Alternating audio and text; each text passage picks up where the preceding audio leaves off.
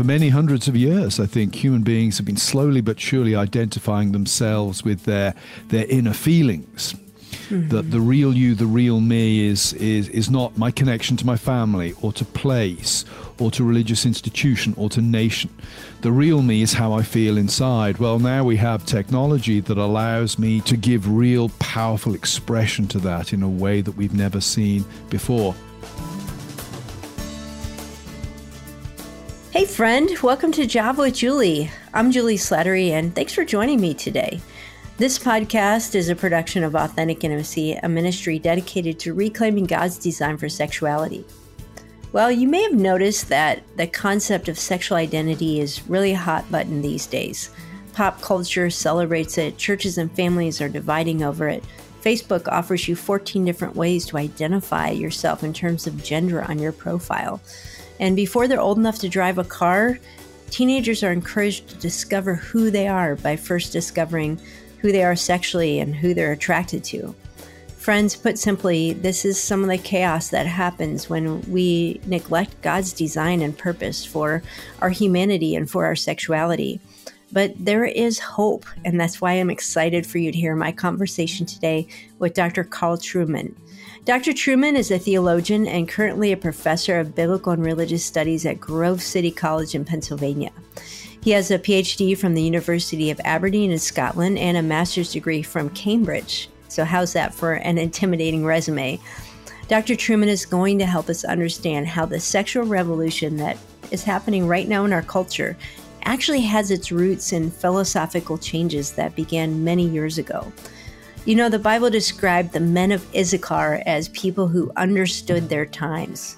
And Dr. Trueman is going to help us do just that.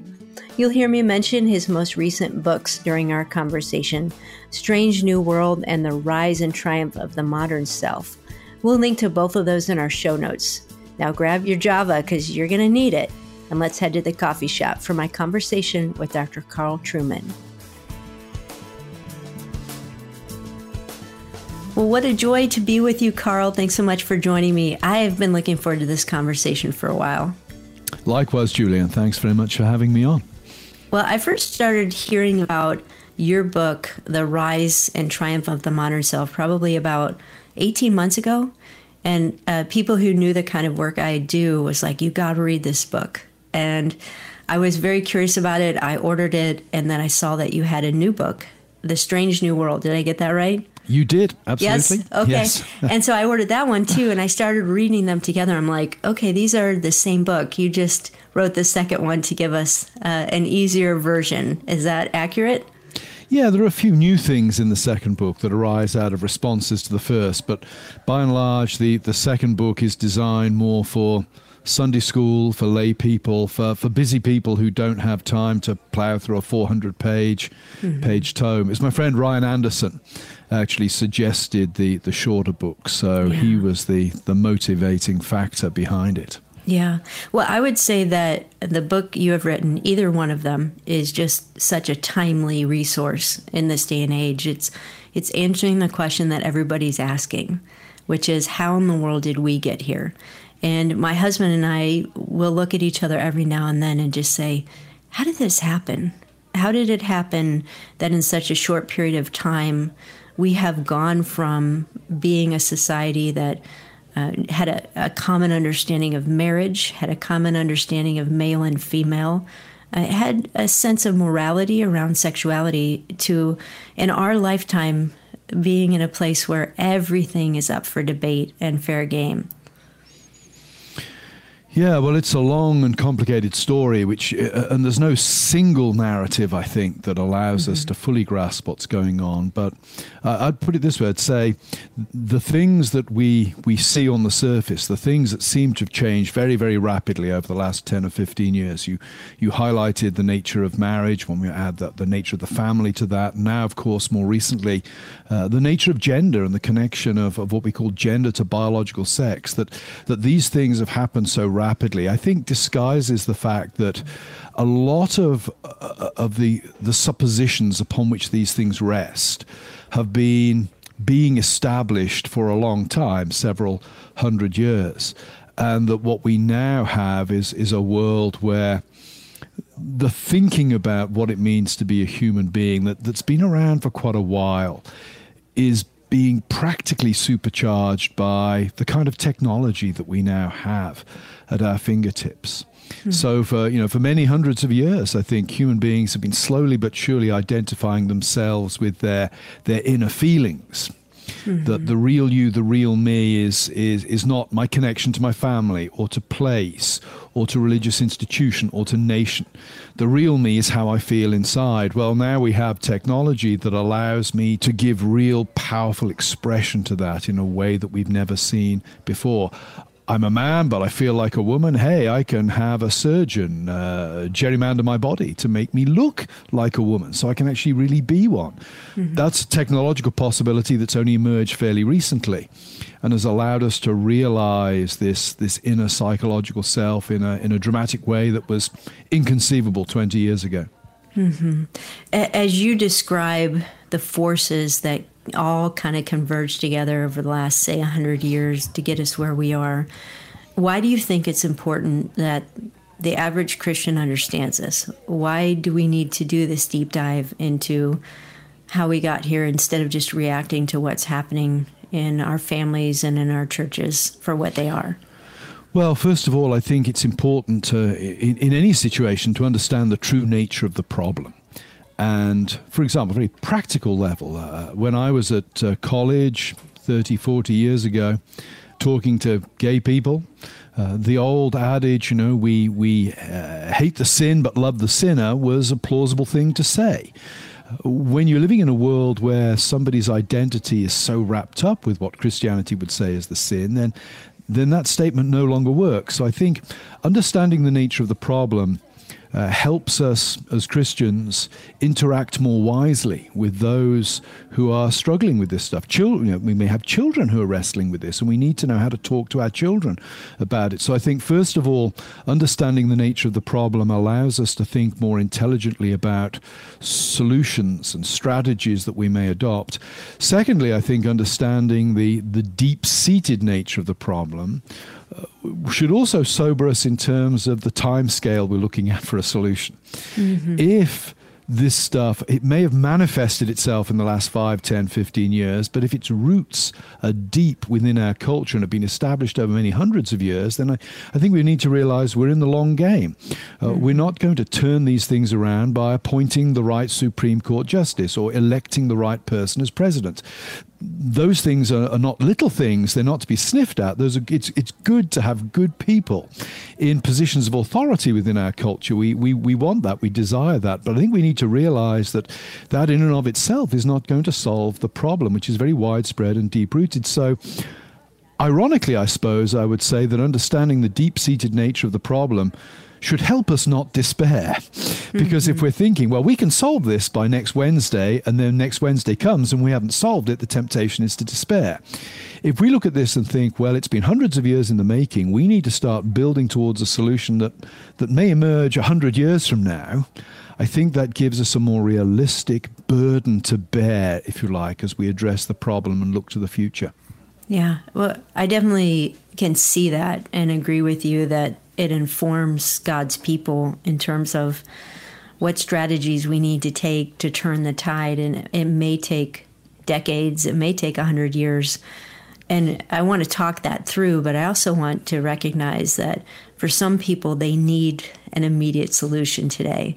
They have a teenager who is wrapped up in all of this, and it doesn't give them peace to say, well, maybe, you know, two generations from now we'll get this worked out. How does understanding the deep roots help that parent, uh, that family member who is dealing with this today? Again, of course, there, uh, I would always make a distinction between what I would call the, the general cultural or political context, which is the one I was talking about just now, and then the the many individual stories, tragic individual stories that make up day to day life for most people. And you, are rightly highlighting that for most people, the way they're going to experience this problem is not in the abstract policy or culture level. It's going to be at the intimate personal level. It's going to be a brother, a sister, a husband, a wife, a daughter, a parent. Somebody is going to be struggling with this. And again, there, I think that understanding the problem, it can make us, first of all, more empathetic with the people struggling with it. One of the things that uh, uh, some people often say, I, have heard said, is, well, you know, this stuff's only emerged in the last 100, 100 no, nobody 300 years ago was struggling with this. And, and the, the conclusion they seem to draw from that is so it's not real. The pain being felt or, or the confusion being felt by this child is not real. Well, I use an example in, in class. I'd say to the students, you know, how many of you own smartphones? They all put their hands up and said, okay, I'm going to randomly confiscate a couple of smartphones. Don't worry, I'll give them back to you a year from now. Uh. How do you feel about that? Well, they say, well, we're going to feel very anxious and distressed and upset. And of course, what I'm, uh, I, I, then comment, well, you know, if, if in 1985 you'd said to me as a freshman at college, I'm going to confiscate your cell phone, I'd have shrugged my shoulder, wouldn't have cared less. But the pain and anxiety you feel is real, even though it is, if you like, created by the historical circumstances in which you find yourself. So, one of the things I think I, I want to try to do in, in my work is, is make people realize that just because struggling with gay identity or struggling with transgenderism is a relatively new thing in the culture doesn't mean it isn't real and doesn't mean it isn't painful. So that would be be one thing that I think uh, is is useful from learning uh, the history. Secondly, I think that the whole issue of identity is key. My generation probably, and certainly the generation of my parents and my grandparents, tended to think about these issues in terms of behavior. Mm-hmm. Uh, homosexuality is a set of behaviors I think one thing that parents need to understand today is when a, a, child comes. I'll give you an example. I was giving a talk at a church a few weeks ago, and a young young guy, I think he was about twelve, came up to talk to me afterwards, and he said, uh, I, "I used to be bisexual, but it wasn't working for me, so now I'm straight." Mm. And in the course of the conversation with this young man, it, it emerged that he'd never had a sexual experience in his life. Yeah. Uh, that he was not talking about relationships he'd been involved in. He was talking about what he perceived to be inner desires. And so I think the second thing that particularly parents of, of my generation, uh, and perhaps the generation just below me, but I think it's, it's becoming easier for younger people to grasp, is to understand that the debates about sexuality are not primarily debates about behavior, they're debates about identity. And I think that's uh, an important point to make. Hmm. In your book, you put it this way I'm paraphrasing, but sexuality is no longer something we do, it's who we are. Yeah. And that's a critical shift. So it's not just about uh, self will and discipline, and it, it, really is about understanding the self, which. Yeah. As you're mentioning, gives us a lot of empathy. You know, I've heard people say, "Oh, this is a third world problem know, people that are starving aren't worried about what gender they are. And there's an element of truth to that. But what you're saying is it may be a first world problem, but it's a deep problem and it yeah. represents a lot of pain. And it's very real for the people involved. And think about the, particularly the trans issue. Yeah, this may sound sort of callous, but you know, if you're a 30 year old uh, man who thinks he's a woman and you want to pay to have the surgery to change your body from being a man to, to looking like a woman, as far as I'm concerned, that's wrong. But you, it's a free country. You can do that. Mm-hmm. When we're talking about children, and we're talking about moving into a world where we're allowing confused children to make decisions about their biology that will have an impact for the rest of their lives. Now, we don't allow 16 year olds to get tattoos, mm. but we'll allow 16 year olds to have their penises removed and be pumped full of hormones. I think for me, this, this issue is one that parents have to pay real attention to because it's not a passing phase. It's not going to be a passing phase for the kids who, who, who are subject to horrific surgeries and medical treatments early in their day that will damage their lives. I, I was watching a, a, video of some trans advocate recently saying, you know, we allow kids to make all kinds of life changing decisions. Uh, we allow them to choose which where to go to college. To which the answer is, of course, yeah, we do. And sometimes kids make the wrong decision, uh, but it doesn't typically destroy or fundamentally change the direction of their life in a way that top surgery sterilization, etc., etc., will do. So I think it's a very important, particularly the trans issue, it's very important for parents to get a handle on in order to understand what's what's going on. Mm-hmm. Well, you're coming at this conversation from a lot of different angles. You've served as a pastor, so you know the boots on the ground of just church work and working with individuals. You also are a historian. Is that what you have your education? Is it history, philosophy? It seems like a combination. Uh, well, sort of. Yeah, I did. My undergrad was classics, which of course uh-huh. combines history, literature, philosophy, etc., etc. And then much of my later career was pursuing Reformation history. But history is an interesting discipline because history is a very eclectic discipline. It draws on philosophy, it draws on economics. Uh, you can take it in any direction you like. And so that was how I I approached the the issue of sexual identity. Okay why has this problem emerged at this point in time in these particular places, mm. taking this particular form? Yeah, you're also uh, not a resident of, well, you live in the United States, but you're not from there. You've just been here a few years, is that correct? I've been here coming up 21 years, actually. Has it really been 21 years? Yeah. I thought you were new to the United States. No, no. Um, I've lived in America longer than most of my students have. Okay. Well, you still have the accent. but I know that you're, you also speak a little bit just in terms of the contrast to what English culture is like. How, in some ways, they are more progressive than we are in terms of getting away from Christian roots but we've kind of become more progressive than they are on some of these issues. So I appreciate when you bring that in as well, because we can be pretty myopic about what's happening in our own backyard. I think the emphasis, the, the big difference, I think, between Britain and America is America's radical emphasis upon freedom and individualism which can be a good thing. I'm not making a critical comment here. Uh, I think that's that can be a good thing, but it can also make make America very vulnerable to some of the, the strongly individualist tendencies we see. It's very interesting that uh, in the 19, late 1960s, an Italian philosopher, Augusto Del Noce, made a comment that he thought the sexual revolution would have deeper roots and be more transformative in America than it would be in Europe, despite, he said, America's deeper Christian roots relative to the Puritans, etc., etc. And the reason he gave was that emphasis upon individual autonomy.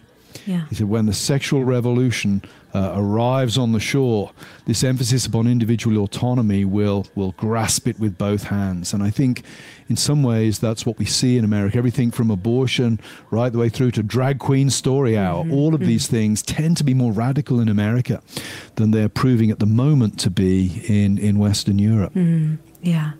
Well, uh, combining all those things together, what you've really created in your book, and this is my summary of it, so you'll have to correct me where I'm wrong. But I see you pulling three strands together, historical strands. One of them is the Romantics, Rousseau, and those who gave uh, voice to the inner me, uh, Freud, who you say sexualized that inner voice, uh, and then Karl Marx, who you kind of make the argument politicized all of this and made this sort of part of our economic system. So, people said, What's the book about? That's probably how I would try to summarize it. But there is so much there. And I know, like, this is one of those things that I'm glad you're teaching college classes because you can go deep on it. But if you're going to give somebody just sort of a Cliff Notes version of those three forces and how historically they've led to where we are, how would you explain that? Yeah, well, the Romantics are, are interesting. And, and like a lot of movements in history, the Romantics grab hold of something that's true but then it, it, it gets, I think, pushed to the point where it, it becomes unhelpful. And the truth that the romantics grab hold of, of course, is that human beings do we do have an inner emotional space. If you read the Psalms, there's a lot of inner emotion in the Psalms. The romantics, though, are really wrestling with a world in the shadow of the French Revolution. And the question is, how can people be moral? How can we reconstruct morality now that the old external authorities have shown to be wanting, have been shown to be wanting, and human reason manifested in the French Revolution just ends up with, with a bloodbath. And, and the answer is we need to reconnect people with their inner feelings, that people are essentially good people. Mm. And if we can just reconnect with our inner feelings, our uncorrupted selves, the selves that exist before society gets hold of us and pushes us into its mold, then we will be naturally empathetic towards each other. We'll be connected to nature. The world will be will be wonderful. So that's that's one step. And as I say, that grabs hold of a truth because we are inner feelings to some extent. Uh, yeah. The difference, of course, between, say, the romantics and the psalmist is the psalmist moves inward in order to move outward. Think of even Psalm 88, the most bleak of the psalms, where the psalmist is just engaged in this terrible introspective despair. Begins with the covenant name of God. So the whole of this lamentation of Psalm 88 is set within the context of the broader reality of God's covenant with his people. Mm-hmm. Uh, so the romantics grab hold of that importance in a space. Yeah, Freud can I come, ask you a question sure, about that before we move sure. to Freud? I see so much of that in our modern thinking, uh, like even as believers telling each other, uh, do what your heart wants. Yeah. Uh, like, what does your intuition tell you? Yeah. As believers, is that are those wrong things to say? Are we overly influenced by that belief that my heart is good? Uh, if I look internally, I should know what is best for me. Yeah, I mean, I think you're putting your finger on there. What I've described is what philosopher Charles Taylor calls expressive individualism this idea that this inner space that should be my guide to who I really am. Uh, and has it affected the Christian church? Yes uh, in many ways. Uh, and when we have that, that almost sort of Oprah Winfrey, you know, you do you, just mm-hmm. do it in a mm-hmm. Christian way, I think that's problematic. Certainly, Christians' uh, inner intuitions are important, but we always need to bring them into line with the external teaching of the Word of God. Now, I know, Julie, you've written a book, I think, um, Sex and the Single Christian or Sex and Sex Single and Woman, Single Girl, mm-hmm. Sex and the Single Girl, where you, you're talking there about how a single person should understand their sexuality and their sexual desires. And of course, what you're doing there is you're saying that those desires need to be understood not as legitimating any behavior that you care to engage in in order to satisfy them. Those desires themselves need to be understood within the framework of God's Word, within an external authoritative framework that's becoming, I think, even in Christian circles, a, a less and less popular view. I think it's the correct view.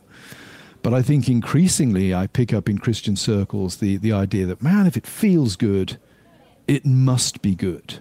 Mm. So, so yes, I think, and I mean, look at uh, a lot of contemporary Christian music that focuses upon the feelings as being absolutely authoritative and a sound guide to reality. No, that's not the case. Yeah, yeah. Well, thanks for that clarity. I think that's a good reminder for all of us. Uh, all right, so what did Freud do? How did he build on the Romantics? Well, Freud both builds on and repudiates the Romantics. I think in many ways, Freud uh, well, understands that, yeah, that inner space is very important for who we are where Freud breaks with the Romantics is, is oddly, I think he actually has a view of human nature that, that is more consonant with the Christian view, ironically, in that Freud realizes that, yeah, we, we have this inner space, but it is not the idyllic, rural, chocolate box scene kind of makeup that the Romantics thought it was. It's actually a very dark and destructive space. And in fact, we are only vaguely aware of, of just how dark we are. I mean, I think Freud would say those dreams you have where you do crazy stuff and do bad stuff, that's the real you. Mm. Popping out. That moment where you fly off the handle and explode at your friend or your wife or somebody who's just annoyed you and you behave out of character. Freud would say, no, actually, that's you behaving in real character. That's where the controls have come off and we get to see the real you. So, Freud, I think, first of all, he, yep, the inner space is important, but actually it's a dark and destructive inner space. And secondly, Freud sees that dark and destructive inner space as marked above all by sexual desires, violent sexual desires. And in his, uh, uh, in some ways, remarkable book, Three Essays on Sexuality, he he calibrates growing up from infancy to adulthood in terms of the nature and direction of one's sexual desires. That, of course, provides the foundation for thinking of our identity in terms of sexual desire. If you go back to the young man I mentioned, the 12 year old uh, young man I mentioned uh, a few moments ago, when he's describing himself to me in terms of his sexual desires, never having had a sexual experience. Uh, mm-hmm. um, that's Freud's world. When we mm. start to think about, well, he's gay, he's straight, uh, she's a lesbian, he's bi, she's bi, when we start to think in those terms, we're really operating with Freud's world where who you are at its most foundational level is that inner space, but that inner space defined and determined by the nature and direction of one's sexual desires. Mm. Incidentally, yeah. it's why I don't like the term straight. Yeah. Because I think once once we start identifying ourselves as straight, we are conceding that conceptual ground. Yeah, I felt that same way. Like the term heterosexual is not a term we should be using because no, it's defining ourselves, even if we say uh, we're normative in our desires according to scripture, it's still defining yourself by a sexual experience or desire, which is conceding a lot of ground now. Yeah. So let me ask you, because this is such a confusing part of our culture and it's confused all of us. How should we be thinking about our sexuality if it's not a piece of identity? Well, I think we need to return to a more biblical understanding, and that's to see sex as primarily behavior. Uh, the Bible, really, when it talks about sex, and I think this is one of the problems that is occurring in the Christian world with the debates that go on about sexuality, and that we're having to make a category shift from a Bible that talks really about sex as behavior and as having a, a broader social function to sex as identity, which is not it's not something that falls off the page of the Bible, so to speak. I think we need strong teaching in the church on what it means to be a man, what it means to be a woman, and what sex is. Sex is behavior, it's acts, it's not identity. And I think we need to realize that sex is, is not a, an end in itself, mm-hmm. which is how modern society teaches it. It's all about my immediate satisfaction. But sex is actually a means to a broader end, and those ends are reproduction, uh, the sealing of a unique bond between a man and a woman uh, in marriage. Uh, when you think about that, you know, what is it that makes my friendship with my wife a unique friendship? She's the only woman I sleep with. Mm. That's what makes our, our, friendship unique. Think about the passage to adulthood. Think about the teaching in Genesis. For this reason, a man will leave his mother and father. Sexual experience in the Bible is connected to, I would say, the, the transition to adulthood. Not saying that those who are celibate never translate themselves to being adults, but I think we need to go back to thinking about sex as a rite of passage as well, uh, hmm. that has a social implication beyond that of the individuals involved. So all of these things, I think, need to fit into uh, a rich understanding of sex. We all, the culture teaches us that sex is is recreation, but even the culture acknowledges that that isn't really true. It's a rather distasteful example, but but if I stick my finger in the ear of another woman randomly, that's an obnoxious personal attack. And I may be fined or I might get a prison for a month or something. If I sexually assault that woman, society will punish me severely because it knows that not all bodily assaults are the same. Mm. Those involving our sexuality, those involving sex, go to the very heart of who we are as human beings and as social beings. When you sexually assault somebody, you treat them as an object, you take something from them, mm-hmm. which actually is only theirs to give. It cannot be taken, it can only be given. Yeah. So I would say we need to have a, a much richer biblical philosophy and thinking uh, about sex that, mm. that really correlates with the reality that our wider society intuitively acknowledges in the way that it punishes sexual offenses. Mm. Yeah, one of the things that, even as you're saying this, that makes this more complicated is that sexual experiences are often very tied to identity.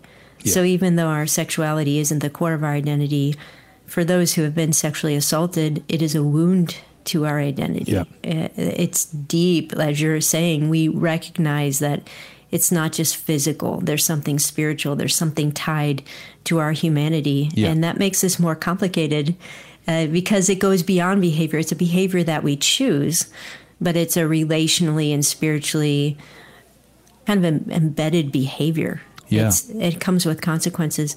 Uh, another thing you'd said that I'd love for you to respond to I, have never heard someone say mm. sex is a rite of passage.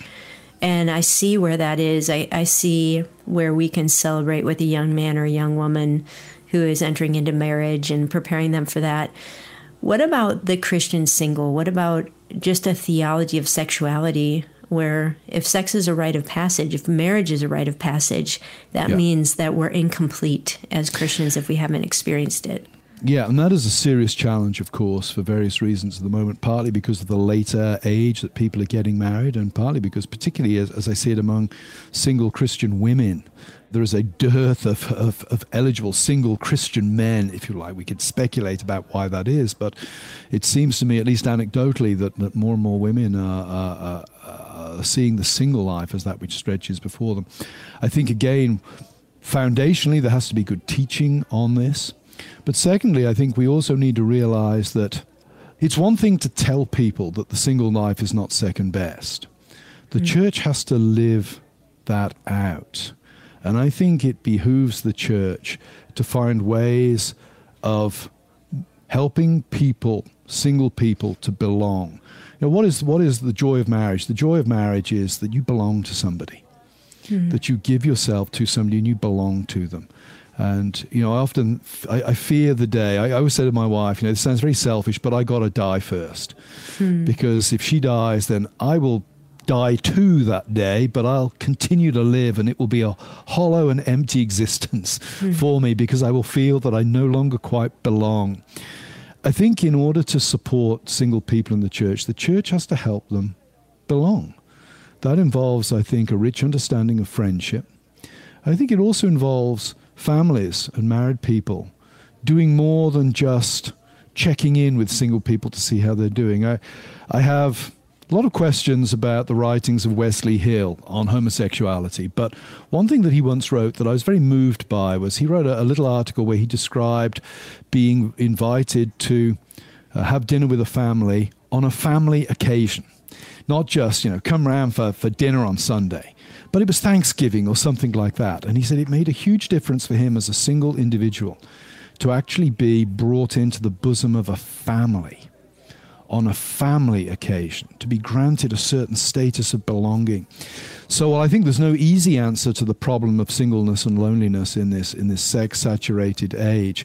I think the church needs to think far more intentionally and proactively about how to to help and to make people mm. belong. I also think, just on a broader level as well, and, and, this is sort of tangential to the question you've asked, Julie, but we need to recover the concept of friendship. Yeah. I was chatting to a youth worker recently who said that in the local public school where he does some work, 80% of the middle school girls identify as bisexual or lesbian. Mm-hmm. And I, I, I, said, well, first of all, in, in, my day, we wouldn't have been thinking in those categories at that age. And secondly, I asked him, what do you put it down to? And his comment was, we have not taught these kids what friendship is. Mm-hmm. We give them no category for affection for anybody else other than one inflected by sexual desire. Right. We need to think about friendship. And you've got these young girls, 11, 12, 13 year old girls, with strong feelings for friends of mm-hmm. the same sex, and no category to make sense of those feelings other than the sexualized ones that our culture pushes at them. I think a recapturing of the concept of, of true friendship is something that we need to work mm. at. Yeah, that's something that I've seen as well. There are a lot of people who don't know what intimacy is if it's not sexual. Yeah. So there is intimacy in friendship. There's intimacy in family relationships. Uh, and we need to give categories of these are close relationships. These are feelings of safety. These are feelings of connection that don't need to be sexualized, uh, and that's gotten completely lost in our day and age. So, and it's why people read the David and Jonathan story and think they must be gay. Yes, it's mm-hmm. why people read letters from 19th century Victorian men to other men and think they must have been gay. Well, no, it was just that male friendship could be very passionate. Mm-hmm. Not in a sexual way, but very passionate. And we need mm-hmm. to recapture something yeah. of that, I think. Mm. All right, well, let's move to that third force. And this, for me, as I read your book, was the hardest probably to grasp. And that was the impact of Karl Marx. We have a lot of conversation in our, our day and age about Marxism and about the connection to critical theory. And I'm sure there's a lot of directions we can go.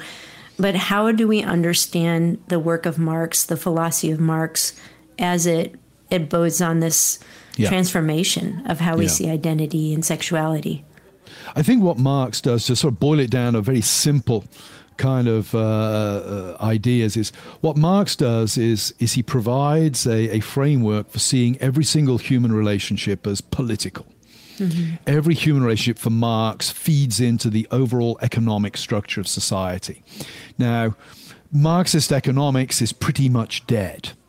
But that idea that every human relationship is political. Every human relationship plays into some broader structure of power within society. Has really come to grip the modern imagination. And what that does is it, it abolishes what political scientists call the pre political. It means there is no space in this world which is not political.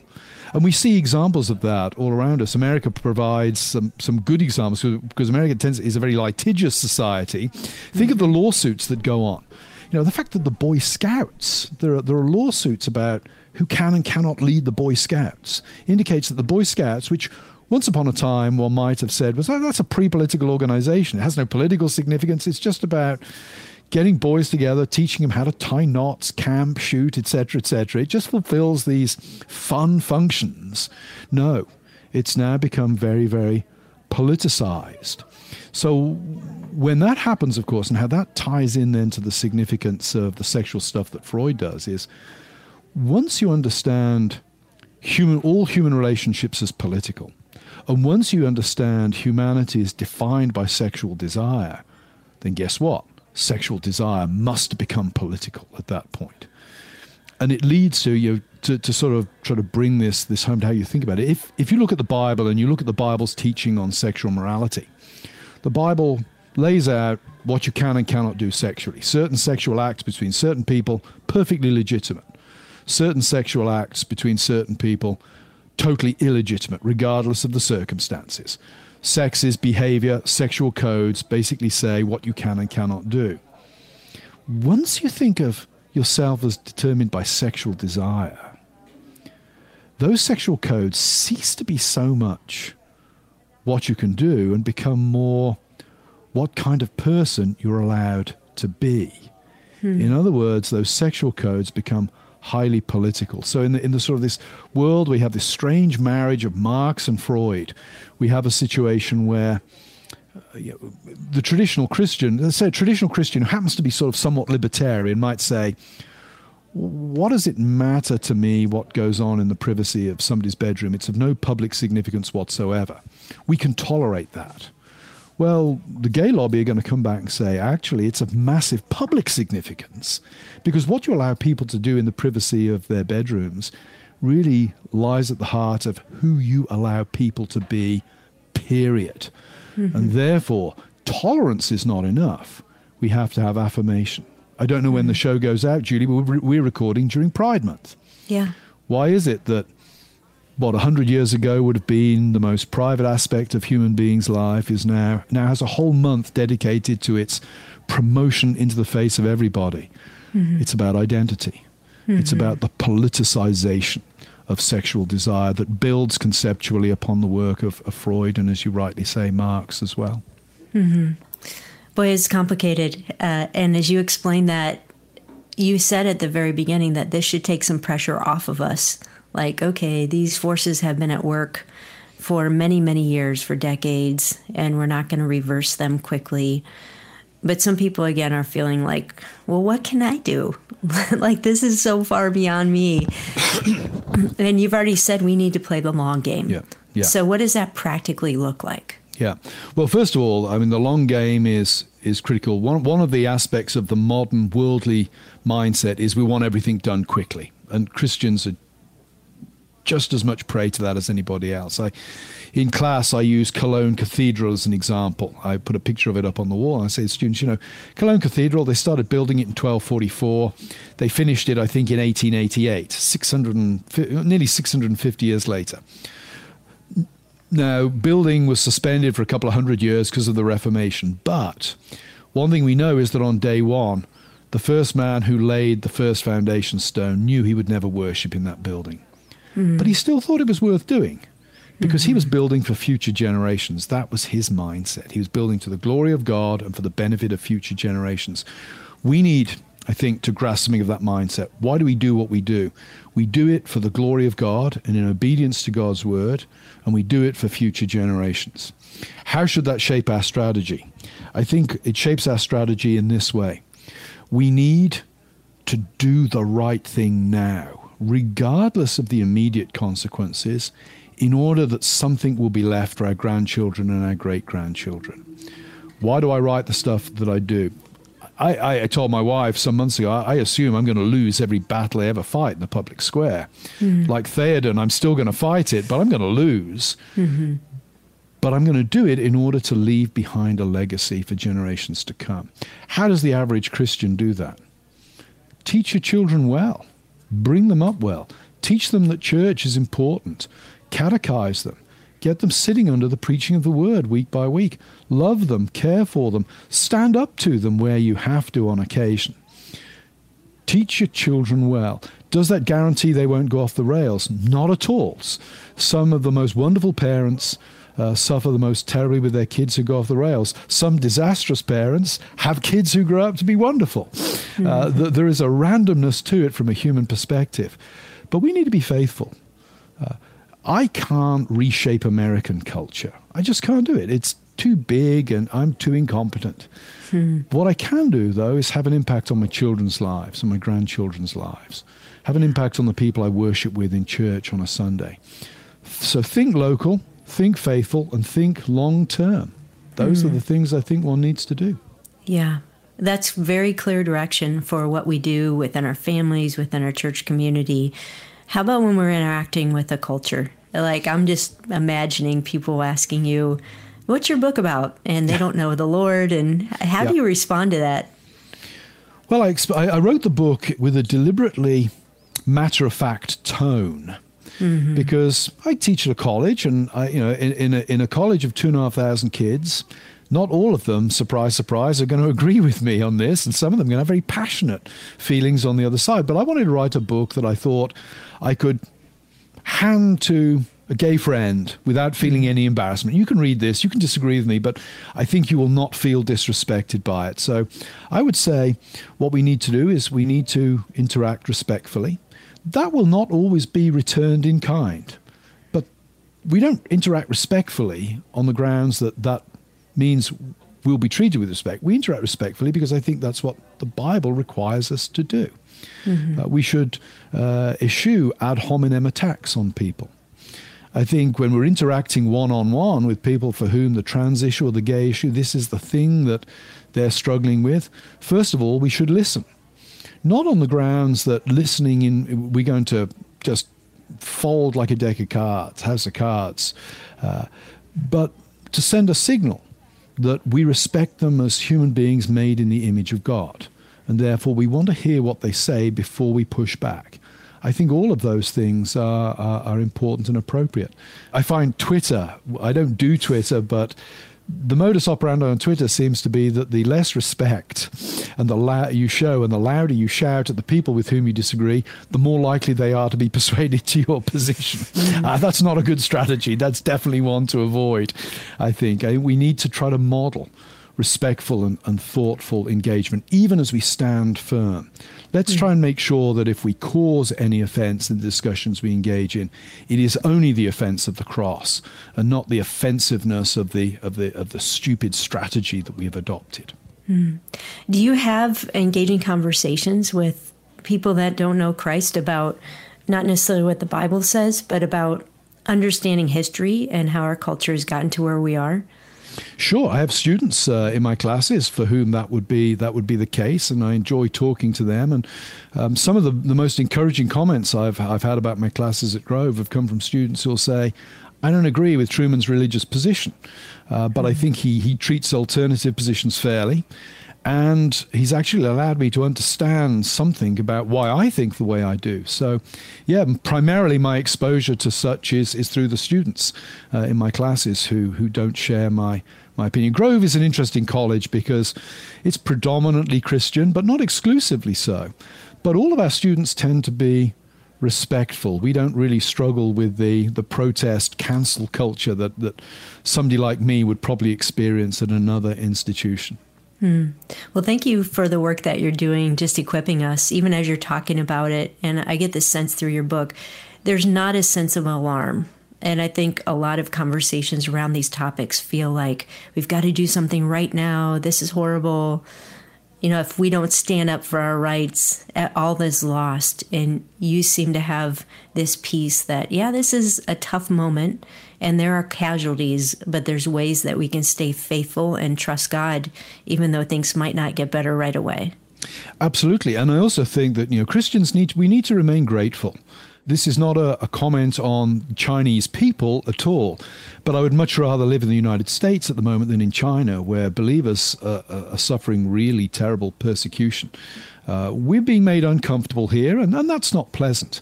But I still think that uh, living in, in the free West, that's a gift of God, and it's something for which we, we should be grateful. We should be grateful that we can do this podcast without mm-hmm. fear of being arrested and sent to prison. So I, I, think that we should also not allow some of the, the dramatic and terrible changes in our culture to blind us to the many good things that the Lord has given us and that we should be grateful for.